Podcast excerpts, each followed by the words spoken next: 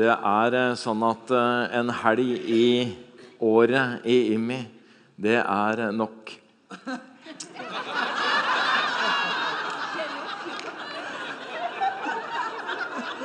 Jeg sa ikke mer enn nok, men jeg sa det er nok. Og så fikk jeg ikke fullført, for dere avbrøt meg. Det er nok til å kjenne meg hjemme.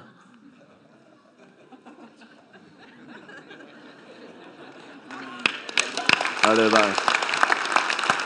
Det er nok til å kjenne meg hjemme.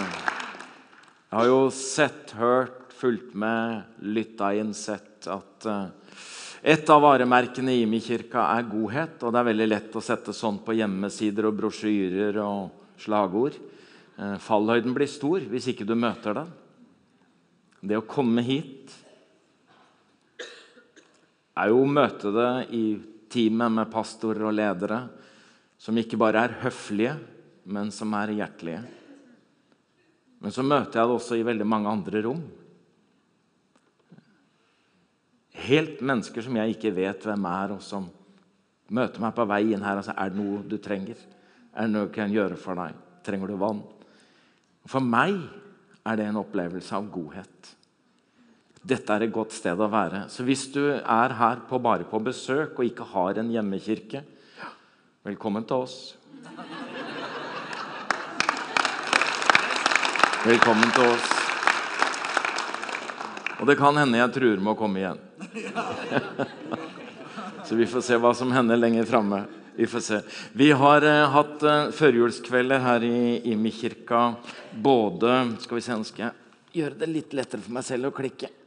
Uh, vi har hatt uh, førjulskveld både fredagskveld og lørdagskveld med denne tematikken 'Reisen hjem til jul', nærmest som en slags metto, metafor. og har slått fast at det er mye reising i jula. Noen skal bort, og noen skal hjem. Men den reisen vi har snakket om, er den indre reisen. Og vi har referert til denne sangen 'Nå vandrer fra hver en verdenskrok'. Og Det er ikke først og fremst en fysisk reise fra et sted til et annet, men at det er en indre, indre reise som et uoverskuelig pilegrimstog mot Betlehem. Mot Betlehem. Og Vi har snakket om hvor kommer vi fra, og så har vi snakket om hvor er vi på vei. For eh, da eier du nok til freidig å dø og leve på og leve på. Jeg har eh, kobla denne helga mot eh, denne serien som vi gjør på TV 2, som vi kaller for Reisen hjem. Vi har gjort syv sesonger, og det er visst allerede bestemt at vi skal gjøre åttende sesong. Og det er kjente mennesker som forteller sin troshistorie, mennesker som er kjent for noe helt annet. Metaforen er enkel. Livet er en reise fra vugge til grav fra fødsel til død. Og for noen er den reisen kort, for andre blir den lang. For noen går det greit, for andre er det ganske krevende. Men felles for oss alle det er at vi er på vår livs reise. Sammen med den reisa bærer vi med oss en tro og en troshistorie på de mest grunnleggende spørsmål som alle mennesker på alle steder til alle tider har stilt seg selv. Hvor kommer jeg fra? Hvor er jeg på vei? Fins det en mening med livet? Er det en Gud, og vil denne Gud ha noe med meg å gjøre? Og Jeg er veldig glad for at jeg får lov å gjøre disse samtalene med mennesker som er kjent for noe helt annet, sånn at ganske mange mennesker i dette landet blir overraska. Jaså, har du også en troshistorie? Kanskje jeg har det også. Vi har samla 30 av historiene i en bok som heter 'Reisen hjem'. Den ble utsolgt allerede fredag kveld. Det jeg glemte å si, det er at de som har den boka, de får tilgang til de 30 programmene uten noe kostnad. og Da kan du bruke det, du kan se det, men du kan også dele det. Og Det er viktig for oss at både boka og programmene er noe som holder disse samtalene om tro levende, og at vi inngår i de. Jeg tenkte at jeg i kveld skulle egentlig sette fokus på to ting. Det ene er jo Når vi er ute og reiser, så må vi deklarere om du skal ha med deg noe ekstra bagasje, eller om du bare reiser med håndbagasje. Og Da er jo spørsmålet veldig enkelt. Hva har du i bagasjen? Det er jo ikke så veldig lett for meg å koble akkurat dette mot juleevangeliet og julefortellingene. Så jeg tenkte jeg kan jo gjøre et forsøk på å tenke at Maria Josef skulle jo reise fra Nasaret til Betlehem. Det er ganske langt, og hun var gravid, så de måtte sikkert uh, booke inn to kofferter, kanskje tre. Hva vet jeg? Og så kunne jeg prøve å tenke, men hvis du skal reise helt fra Persia, fra Iran, som vismann, da må du ha med mye, da. For da skal du være borte lenge. Og så kunne jeg f.eks. sagt at jeg tror dette er eselet som Josef brukte. Ja, eh, Og så kunne jeg liksom holdt meg i julefortellingen. Men jeg tenkte, siden det er søndagskveld og ikke dette er en sånn førjulskveld, så frikobler jeg litt fra det. Og så tenker jeg, vi kan vel spørre allikevel. Hva er det du har i bagasjen? For kona mi og jeg vi liker å reise sammen med et vennepar. Og når vi møter de på Gardermoen, så skjer det samme hver gang. Det er at disse to kommer med hver sin lille, lette sånn, sånn trillekoffert. Og jeg tenker Er det der egentlig toalettmappene deres? Nei, det er det de skal ha med seg. Og så kommer Turi og jeg med bagasjen vår.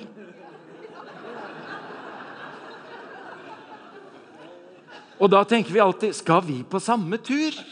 Skal vi være borte like lenge? Hva er det som har hendt? For Turi og jeg vi har det genet at vi tenker alt kan skje.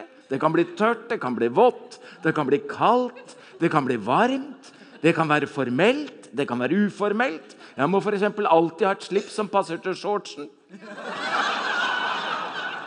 Du kommer ikke på det som ikke vi tror vi må ha med oss. Og det er klart, Sånn blir det overvekt av. Så en dag sto vi i skranken, og damen sa ja, det ble 17 kilo overvekt, og hun hadde enda ikke veid meg. Men det var visst bare bagasjen. Og det var 17 kilo til sammen på kona med meg. Og så sier hun og det er 100 kroner kiloen. Og det er da du gjør et raskt regnestykke. Hva har jeg tatt med meg som er verdt 100 kroner kiloen? Og så begynner du å tenke de der gamle sandalene, den boka som jeg har lest. Og så begynner du å gå gjennom bagasjen din, og så skjønner du ja, men det er jo ikke verdt prisen, det. Og når du kommer hjem, så legger du inn i skapet alt det du ikke har brukt. tenker du er det mulig? Er det mulig? Hva har du med deg i din bagasje? Hva har du som du trenger? og som du vil ha med deg. Hva er det du trenger å legge igjen, legge fra deg, som er unødvendig, men ikke bare unødvendig, men belastende?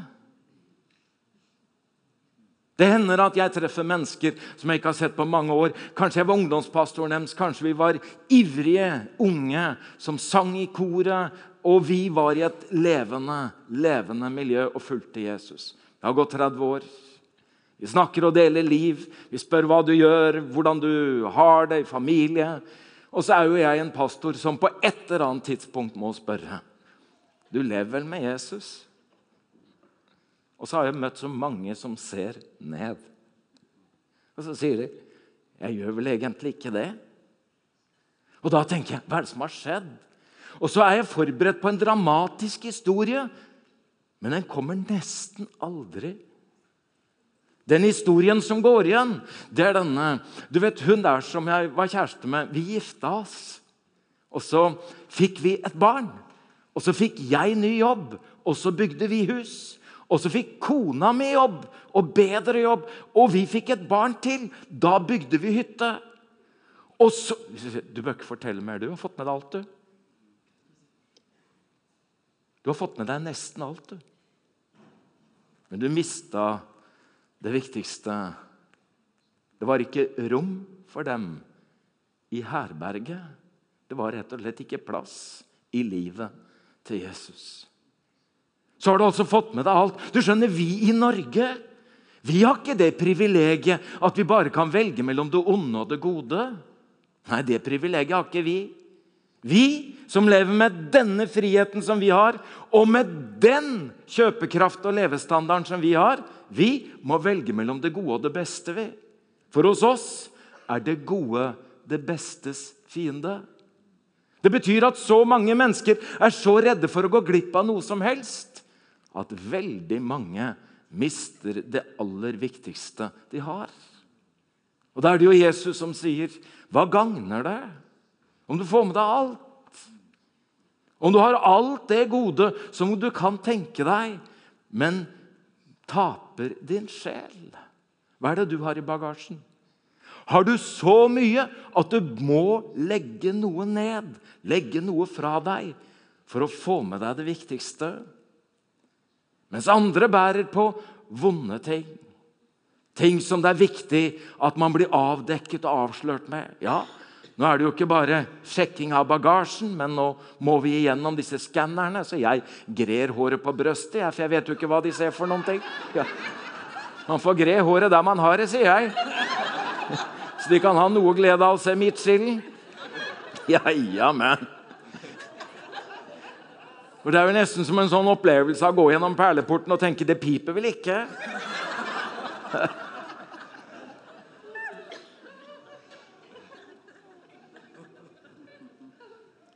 Og Av og til så er det å gå på et møte en øvelse av å bli skanna. Være i et Guds nærvær. Bare oppleve seg gjennomlyst. Så piper det litt her, og så piper det litt der. Og så bør ikke alle møter være gode møter. For noen møter kan være litt vonde møter. Og vonde møter kan være helt nødvendig. Ikke for at Gud ønsker å gjøre det vondt, men fordi han ønsker å gjøre noe godt. Så må han ta bort det som ødelegger livet ditt. Og da handler det om å tenke Gud, kan ikke du ransake meg? og kjenne mitt hjerte. Prøv meg og kjenn mine tanker. Se om jeg er på den onde vei, og led meg på evighetens vei. Noen har så mye godt, og livet er fylt av alt, og de går glipp av det viktigste og trenger å legge noe igjen og rydde opp og legge noe av seg for å reise videre i et enklere, men rikere liv. Mens andre trenger å ta et oppgjør med de vonde tingene. Sånn at det ikke hindrer deg fra å reise videre og komme dit du skal. Jeg har eh, veldig ofte tenkt at livet består av to sider. Og Den ene siden av livet er selvfølgelig den synlige, den som, er, eh, som folk kan registrere det er det som handler om atferd, oppførsel, hvordan jeg reagerer, hva jeg snakker om, hva jeg sier. Det er det synlige. Men den andre siden, det er den usynlige delen. Og jeg tenker at hvis det synlige er produktet, så er den usynlige delen fabrikken. Og Gud driver ikke bare med overflatebehandling for å sørge for at han skal regulere atferd. Men han ønsker å gå dypere inn i vårt liv og ta tak i årsaken til at det ytrer seg og blir det det blir i det synlige. Da kan det handle om for noen uoppgjort skyld. Det kan handle om ubearbeida sorg. Det kan handle om uforløst skam. Det kan handle om dette som ligger dypere ned. Det er vår livsbagasje. For vi har to ting felles. Det er at vi er på vår livsreise.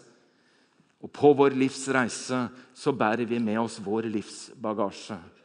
Og Du skal være utrolig glad for at Jesus ikke er så veldig opptatt av hvordan det ser ut på utsida, men at han elsker å nyskape mennesker innenfra og ut. At han går til roten av det som viser seg i en ytre atferd. For noen kan det handle om skyld. Og Jeg snakket i fjor på denne søndagskvelden om at det handler om hva vi gjør, og det fører til fordømmelse og selvfordømmelse. Og Den eneste medisinen mot det er å oppleve den ubetingede nåde, og den fins bare ett sted. Det er hos den nådige Gud gjennom Jesus Kristus. Men dypere enn skyld, det er skam. Og den er utrolig vanskelig å få tak i. For det handler ikke om hva jeg har gjort eller gjør eller ikke gjør, men det handler om hvem jeg er en opplevelse av å være feil. Det skaper jo forakt og selvforakt. Og det fins bare én medisin mot det, og det er den ubetingede kjærlighet. Jeg vet at jeg er elsket for hvem jeg er. Og den kjærligheten fins bare ett sted. Det er hos Gud, som er kjærlighet. Nå sier jeg det igjen. Halleluja. Jeg sprekker av og til. Dere fortsetter å knipe igjen. Dere kommer til å dø av forstoppelse. Ja, Det er jeg helt sikker på. Dere kommer til å dø av forstoppelse, eller så går dere og fiser i krokene. Det er jeg helt sikker på. Ja. Dette er en av disse som jeg har reist uh, uh, på denne reisen hjemme. Det er Pål André Grinderud som har gjort et veldig sterkt inntrykk på meg. Vi uh, gjør i denne serien ikke bare en mental, følelsesmessig, tankemessig reise, men vi drar til et fysisk sted hvor troen ble enten avvist eller omfavnet, noe som har påvirket både livet og troshistorien. Og I historien til Pål André Grinderud så fins det jo en veldig populær, kjent far i Mjøndalen, der han vokste opp. En mann som alle visste hvem var, som en av bygdas helter. Og en utrolig vakker mor som heter Wanda, og som eh, hadde et skjult alkoholforbruk, men som slo kjempehardt ut når mannen hennes døde og Pål André mista faren sin. Og En av de sterkeste historiene som Pål André forteller Jeg skal møte han nå igjen på onsdag, eh, eh, for vi jobber med et program til annen juledag. Men en av de historiene det er den dagen, den jula han er 13 år. Og 13-åringen har enda en gang tatt ansvar for julematen.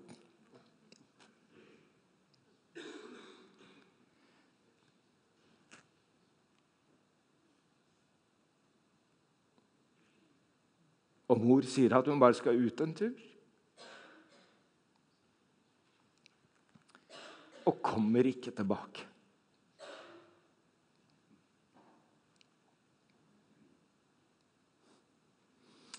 Han leiter etter henne første juledag og finner henne hos bestemor og bestefar, og alle tre er snydenfulle. Og Et lite sted som Jøndalen er ikke dette bare en enkel hendelse, men en seriehendelse i et barns og en tenårings liv som gjør at han blir så proppfull av skam at det nesten ikke blir mulig å leve. Men det går an å få hjelp til det som er her inne. Det som vi bærer med oss i den usynlige bagasjen. Dette som det går an å få gjort noe med, som Gordon Johnsen sa.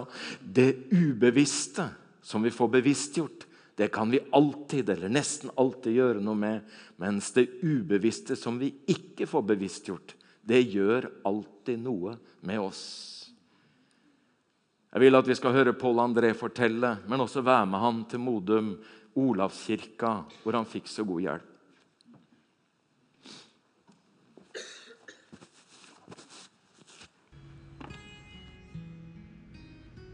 Men da lærte jeg å bli kvitt skammen. Eh, jeg husker det var en lege som sa til meg, som heter Bjørn Enstad. Han sa det sa, Pål, du er ikke psykisk syk. Du er stappfull av skam. De kunne ikke finne noen diagnose til meg. Så blei det posttraumatisk stresslidelse, og jeg gråt i to døgn, for jeg trodde jeg var kjempesjuk. Det var den mildeste du kunne få, visstnok, men det måtte de gi til Nav for at jeg skulle få penger. Men i alle fall så begynte jeg da å avskamme meg.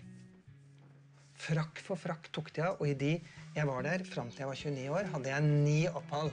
Tre måneder og fire måneder, og ett opphold var på tre uker. Altså, De tok meg inn, og vet du hva de sa? Vi hadde troa på deg. Og du skjønner, etter hvert så ble jeg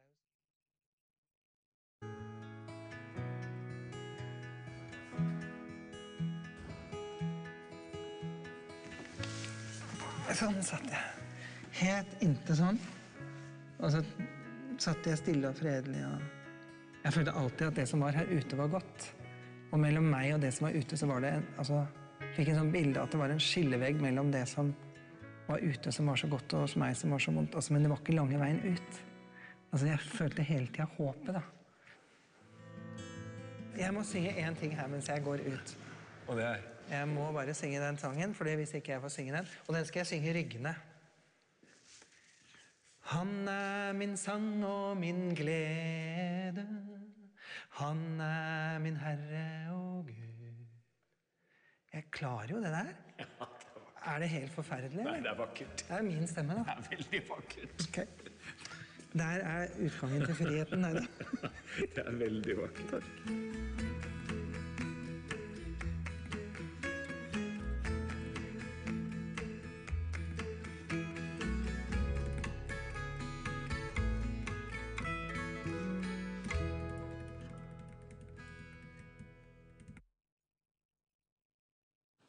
Jesus vil ikke bare gi deg en eh, ny framtid.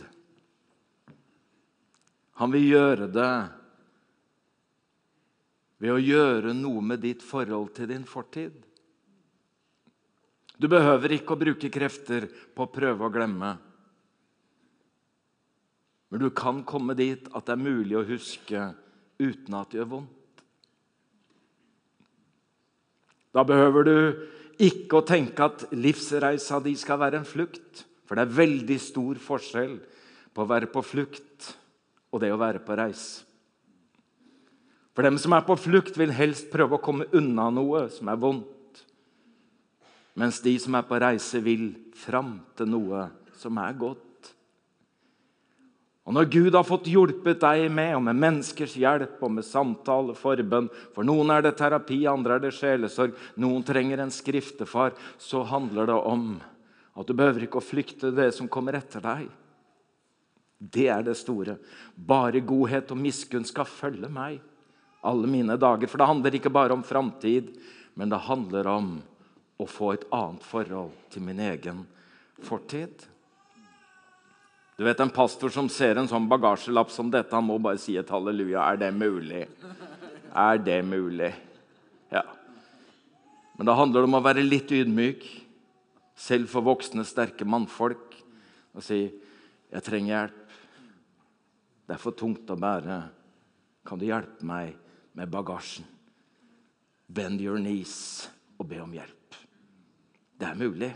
Nå trodde du preka var slutt, men den har bare så vidt begynt. Jeg hadde noen korte prekener før. De finner jeg ikke igjen. Jeg vet ikke hvor de tok veien. Reiser du alene? Det må du også deklarere. Hvor kommer du fra? Hvor reiser du fra? Hvor reiser du til? Skal du ha én eller flere kofferter? Hva har du i bagasjen? Og så kommer dette hvor mange reiser sammen. Og Egil Elling har sagt flere av disse, eller både fredag og lørdag kveld. Det var jo ikke meningen at denne livsreisen skulle foretas alene, men at du skulle reise sammen med noen i et reisefølge. Det fins allikevel en gruppe mennesker som er mellom 5 og 11 år, som reiser alene. De er registrert på forhånd, følges om bord i flyet, får godt stell underveis, og så følges de av. Og så prøver jeg å smile litt ekstra til disse små eh, når de, pendlerne når de reiser, for jeg tenker at eh, eh, Det er jo ikke deg det er synd på, tenker jeg. Det er alle de andre på dette flyet som ikke fikk sånn lapp.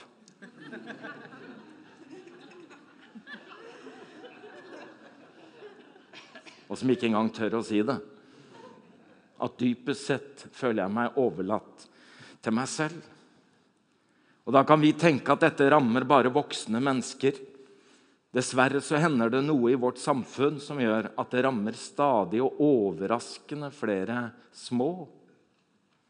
Og det er veldig rart, for veldig mange av disse er i en alder hvor de bor i en familie.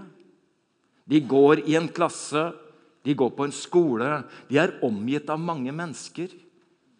Mens én av tre opplever denne ensomhetsfølelsen så dyp, så tung, at de rett og slett oppsøker hjelp for denne ensomheten. Og det de uttrykker det som, er at de dypest sett opplever seg overgitt til seg selv.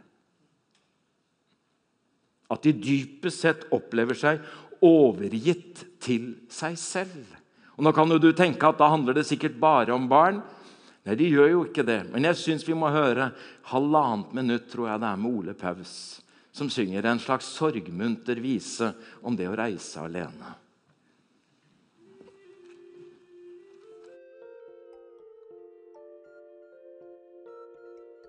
Jeg reiser alene. Jeg flyr over land og by. Før kom barna med storken, men nå tar vi fly. Jeg reiser alene. Jeg flyr over fjell og fjord. Fra mamma i sør til pappa i nord. Og under meg er hele jorden, der voksne og små barn har et hjem. Men hvis du spør meg om hvor jeg bor hen, så er det i SK 305. Vi reiser alene, en flyvende barnehær. Vi er utstyrt med bamser og en koffert med klær. Og foran i flyet bor generalen. Han fører alle barna fra hjem til hjem.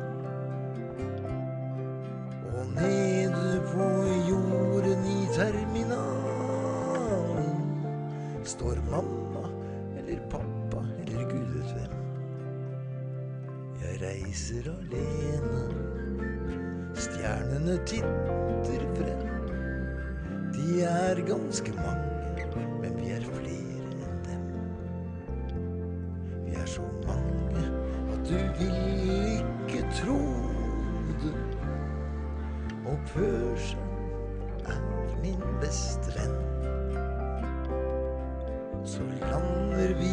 snurrende klod.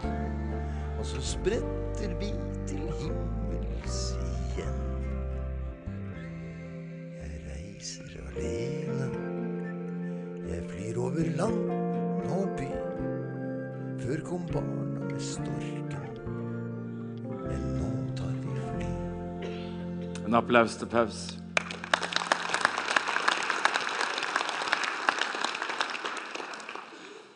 Det er jo En av de tingene det er skamfullt å snakke om, det er jo ensomhet. Og man kan være singel uten å være alene. Og man kan også være sammen med mye folk og allikevel være ensom. Man kan til og med være populær og allikevel føle seg dypest sett overgitt til seg selv. Jeg syns at eh, Charter-Hilde Hilde Skovdal er tøff som tør å innrømme og snakke åpent om hvor ensom hun har følt seg. Bodd noen år i Horten og sier 'Jeg har ikke hatt én venn'. Jeg møtte Hilde, og det er jo en energibombe av en annen verden. Jeg mener at hvis hun bor i ei bygd, og du kobler en ledning til henne, så er det ingen fare om strømmen går. Hun holder hele bygda med lys og energi hvis det er nødvendig. Noen har sett henne på Charter-Hilde og på Charter-Feber og sett denne dama som er så fullt av liv, og så blir man litt overrasket. Har du også en troshistorie? Moren hennes er svensk. De hadde vært hos mormor eh, nede i eh, Syd-Sverige. Og nå er Hilde på vei hjemover til Norge, til Oslo, og kjører oppover motorveien fra Malmö og nord. Kommer omtrent til Halmstad. Så ligger det noe på motorveien, og det smeller inn i bilen. Og hun husker hver runde bilen tok, og hva hun tenkte, og hva hun ba om. Og når bilen landa, så tenkte hun jeg tør ikke å snu meg og se hvordan det har gått med lille gutt i baksetet. Og så hører hun etter en stund 'mamma'. Så skjønner hun at han lever. Og så blir det kaos på motorveien. Så får de gutten ut og får lagt han i grøfta der ved siden av motorveien. Hilde sitter fastklemt, er låst i beina, og etter en stund så klarer de å få henne ut. Og mens hun ligger der og hører gutten skrike litt lenger borte, så ser hun underlig nok en mørk skikkelse i en slags kjortel som kommer. Og denne mannen i kjortel han går bort til gutten som gråter, og legger hendene på han. Og han blir stille. Så går han bort til Hilde, holder på det benet som er så smertefullt, og hun kjenner at smerten blir borte. Og så pendler han imellom disse to til sykebil kommer, og de blir kjørt til sykehus. Men denne mannen i kjortel, som så ut som en afrikaner, en mørk mann, skjønte hun ikke hvem var. Vi dro til sykehuset, Hilde og jeg.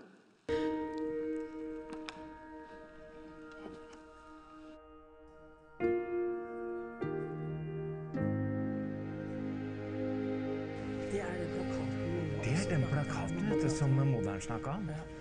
Hva? Det er det, vet du. Det er en mørk eh, afroutgave av Jesus, altså.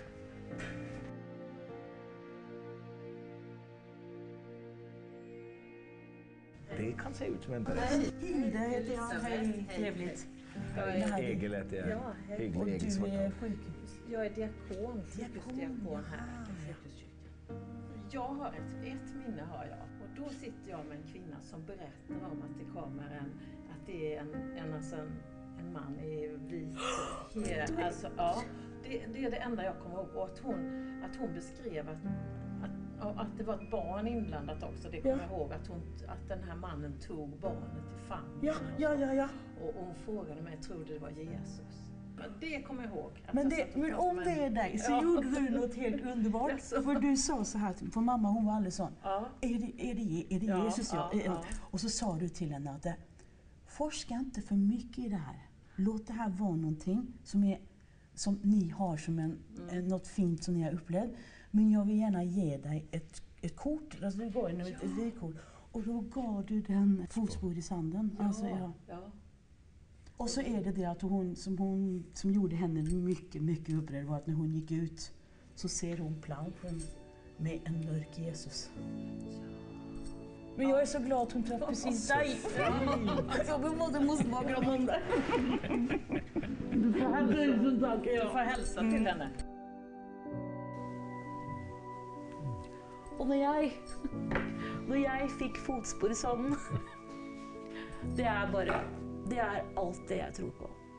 For der handler det om de gangene når du har hatt disse her dramatiske Der du trodde du var helt alene. Da var det jo da når Gud bar deg. Og jeg syns den er så fin, for den, er, den sier alt. Den sier hele, den sier hele kristendommen.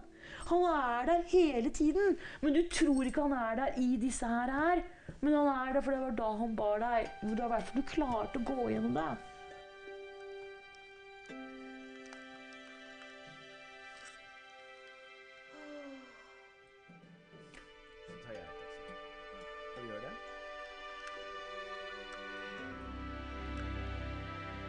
For dette er fortellingen om, eh, om denne som har denne drømmen, Ja.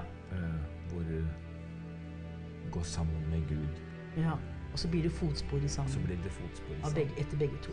Ja. Og så blir han som går sammen med Gud, han blir så fortvilt. Hvorfor er det ikke to par fotspor når jeg trengte deg som mest? Og da sier jeg, men det var jo da jeg bar deg. Og jeg, vet du hva, det, jeg syns det, det er så det er, Bibelen kunne bare vært det. Nesten.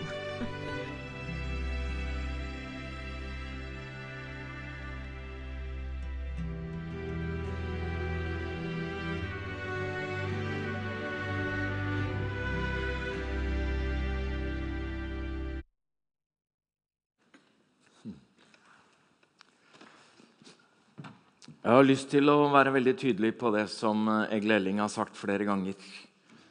Livsreisen var ikke ment at du skulle foreta den alene. Du trenger et fellesskap, og du trenger noen gode venner rundt deg. Men den følelsen av å være overlatt til seg selv, den skal du ikke ha. Den som dypest sett kan tilfredsstille opplevelsen av at både når du er alene og når du er av sammen med andre, så er du aldri overlatt til deg selv. Det er en som har sagt 'Jeg er med deg alle dager'. Og Hvis du tviler på det, så les evangeliene. Les det som skjer den første dagen etter at Jesus har stått opp fra de døde. Han kunne jo gått rundt i Jerusalem og vist seg for alle de andre. Han var kanskje ikke så veldig opptatt av å overbevise alle de andre, men han var veldig opptatt av hvordan hans egne hadde det. Når du følger han gjennom oppstandelsesdagen, så er det til den ene og til den andre for å sørge for at de hadde det de trengte. Det er viktig for Jesus, for du er viktig for Jesus. Nå sier jeg det igjen. Halleluja. Vi går inn for landing. Og det er hvor har du tenkt å feire jul i år?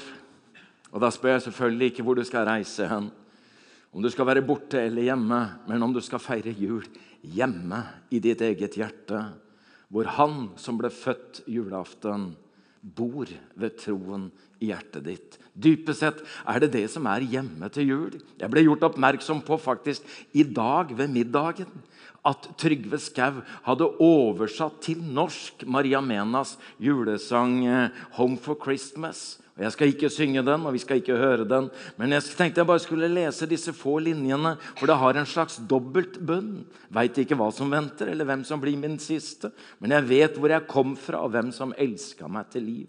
Og planen var, nok, var en gang å samle mot nok til å dra børste snø av hjertet som du ikke ville ha. Og så heter det å bare, det, bare få jula hjemme. Kjenne hva hjemme er. Jeg vil ha jula hjemme. Kjenne hva hjemme er. En vakker melodi, flott tekst som Trygve Skau har skrevet eller oversatt til. Og det er verdt å høre på. Men det er denne 'kjenne hva hjemme er'. Den opplevelsen den får vi når vi kommer hjem til jul. Og Dere skal få møte Inger Lise. Inger Lise er på en merkelig måte knytta litt til min historie også. Det merkelige skjedde nemlig at vi drev et program som het, søndags, eh, som het eh, Gudesens konditori. Ja, Gudesens konditori, for jeg er jo konditor, og det drev vi på Kalbakken i et studio. Og så var det to studioer der. Og I studio ved siden av var Inger Lise, og hun drev et annet program. og Det programmet het Inn i det ukjente. Det var et program hvor hun gikk i ulike eh, nyreligiøse retninger og hadde gjester som kunne fortelle om sine religiøse og nyreligiøse opplevelser. Det hun drev med. Og så drev jeg med Gudesens konditori. Ja. Inger Lise kommer fra Toten. Der var hun med i pinsemenigheten sammen med moren sin og var med og sang. Og der eh, var hun ganske aktiv helt til hun reiste til Oslo for å bli popstjerne, 16 år gammel. Nå hadde jo tida gått veldig langt, og nå holdt hun altså på i programmet i studio ved siden av. Så er det en gjest som skal inn i mitt program, eh, som heter May-Elisabeth. Hun har gjort masse erfaringer i det nyreligiøse, i nyåndelige retninger. Og nå har hun møtt Jesus, og det skal hun fortelle om i mitt program. Men vi har felles pauserom, og vi har felles sminkerom, så hun treffer Inger Lise der ute på dette rommet. Og så skjer det noe med Inger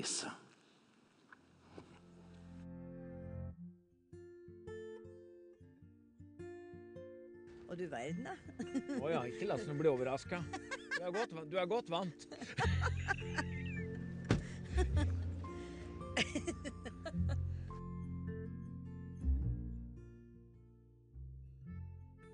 Dette at Jesus ble igjen på Toten, eller at du trodde at Jesus ikke ville trives på Klubbsju, handler det noe om ditt din forestilling om Jesus? Nei, det var nok mer at han hadde nok trivdes på Klubbsjø, han. Kanskje bedre på Klubbsjø enn i Philadelphia. For Ja, ikke sant? Men det var mer i forhold til hva alle andre ville på en måte synes om meg. Så det var jo litt sånn feigt av meg. For at det, Å ja, hun- hun er så teit, ja. Hun skal ha med seg det der òg. Og det ville ikke passe på ei popstjerne. Ei som snakka bredt og trodde på Jesus. Det blir jo litt spesielt. Her eh, så sitter jeg oppe i et TV-studio. Og så er jeg midt imellom to programmer, så jeg skal ha en pause. Så jeg ble sittende ved en stol rett ved siden av henne. Ja, hva gjør du? Så sier jeg nei, jeg, jeg, let, jeg leder et program som heter Inn i det ukjente. Eh, og fortalte litt om det, og så sitter hun og ser på meg, og så sier hun eh, Men Inger-Lise, er det ikke Jesus du leter etter, da? Sier hun til meg. Og da var eh, Altså, den setningen der, er det ikke Jesus du leter etter, den var så sterk for meg at det Jeg bare så på henne, og så bare rasa hele forsvarsverket mitt sammen. Jeg bare knakk sammen. Fra int. Fra ingenting. Bare de ordene. For jeg visste selvfølgelig er det det jeg leter etter. Og så var det bare å liksom på en måte strekke hånda bakover der og så dra igjen. Dra med meg han som jeg hadde lagt igjen der oppe. Hva førte det til? Det førte til at jeg, begynte, jeg måtte begynne å revurdere veldig mye av de tingene jeg hadde. Og jeg hadde fremdeles meldt meg på et sånt kurs, sånn retreat. Og så skulle vi meditere sånn at vi skulle komme dypere og dypere dypere inn på den. Og så plutselig så begynner kroppen min på en måte å få sånne rare trekninger. Altså det var sånn utrolig ekkelt. Og så begynte det å lukte Ukontrollert? ukontrollert. Så begynte det å lukte fryktelig vondt. Og så får jeg helt sånn Jeg får sånn øh, død følelse. Og da blir jo jeg kjemperedd, ikke sant. Så da skriker jeg for andre gang i livet mitt. Der første gangen, der hyler jeg Jesus. Rett og slett, for da er jeg så redd. Så slipper disse spasmene taket, og så kommer det samme lyset på høyre. Det er nesten sånn at det pulserer som nesten Det pulserte nesten som en slags musling. En sånn lys. Og så blir jeg helt rolig. Og så begynner det å lukte roser. Og så ser jeg på lyset og er veldig veldig glad for at det er der. Og så trekker lyset seg sakte tilbake. Og så sier jeg 'Å, nei, nei, nei, nei, ikke ennå'. Det, det, er ikke over ennå. Jeg er ikke så rolig ennå. Så kommer lyset tilbake. Så blir det stående der helt til jeg er helt rolig. For meg så er det, så er det personen Jesus. Jeg er alltid rundt deg, men når du hyler høyt nok, så kommer jeg. Bare så du veit det. Så du bør ikke være redd. Det har vært helt fantastiske ting for meg. Så der kommer han inn igjen, vet du. To ganger.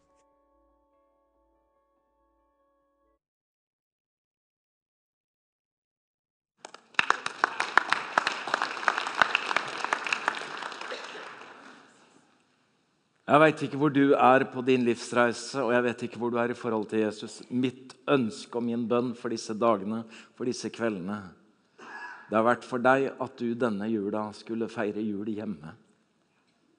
Med Jesus i ditt eget hjerte og vite at jeg er hjemme nå.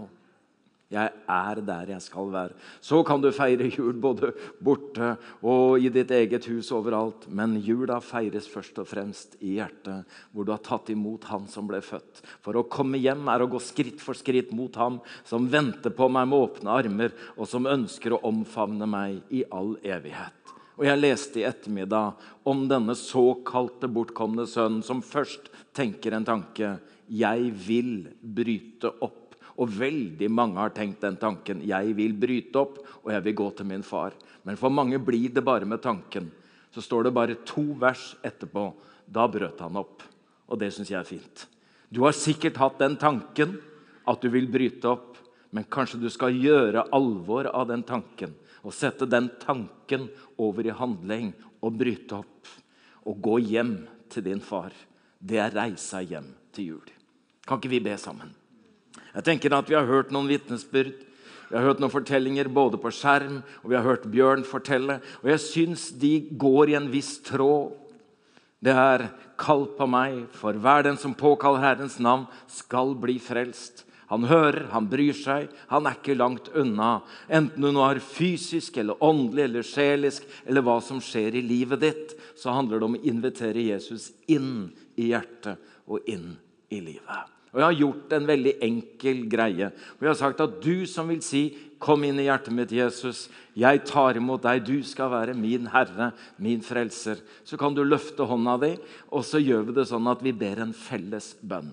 Og så syns jeg kanskje at vi skal bøye hodet, at vi kan godt lukke øynene bare for å tilby litt sånn privat til dem som sitter rundt oss og bak oss. Og så at dette først og fremst kan bli noe mellom deg og Gud. Og så kan du ha meg som vitne, og så vil jeg se din hånd som tenker at jeg vil hjem.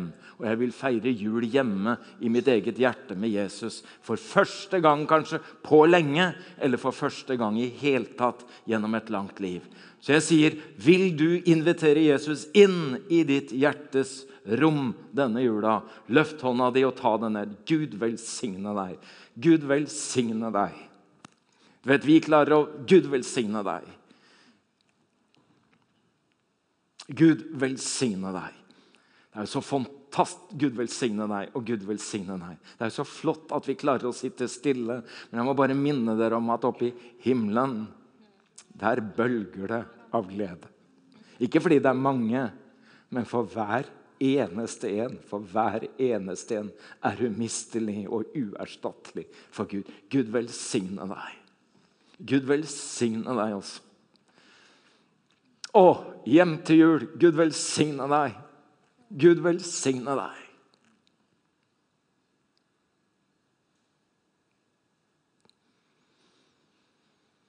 Og når du har løfta hånda di, og når du har tatt den ned igjen, så bare sitt og vær åpen og tenk at det med hånda det er én ting, men det å si 'kom inn', hjerte, kom inn i hjertet, Jesus, kom inn i livet Det ser litt rotete ut her, jeg beklager det. Det ser litt stygt ut i hjørner og kroker, men kom inn. Han er ikke så nøye på det. Han ble født i en stall og ble lagt i en krybbe. Han tåler det hjertet ditt. Og han kan gjøre det til en katedral. Halleluja. Er det enda flere som tenker jeg vil ta den beslutningen? Jeg skal feire jul hjemme med Jesus i eget hjerte denne jula. Gud velsigne deg. Gud velsigne deg.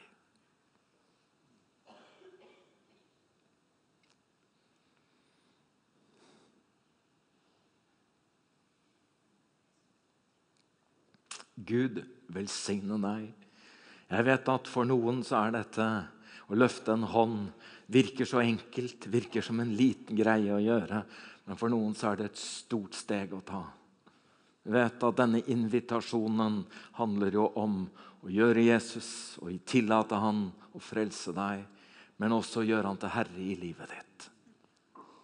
Og Jeg syns det er fint at vi hjelper hverandre med å be, så kanskje jeg kan be foran og så ber alle etter, og så er du som har løfta hånda di, en av de som ber denne bønnen. Og så ber vi sammen med deg og gir deg hjelp på det. Kjære Herre Jesus Kristus. Nå kommer jeg til deg. Takk at du tar imot meg slik jeg er, og du møter meg der jeg er. Takk for at du døde for mine synder. Nå tar jeg imot syndenes forlatelse og det evige liv. Takk at du skriver mitt navn i livets bok. Og du gir meg rett til å være Guds barn. Og det er jeg. Og det er jeg, for det har du sagt. Tusen takk, Herre Jesus Kristus.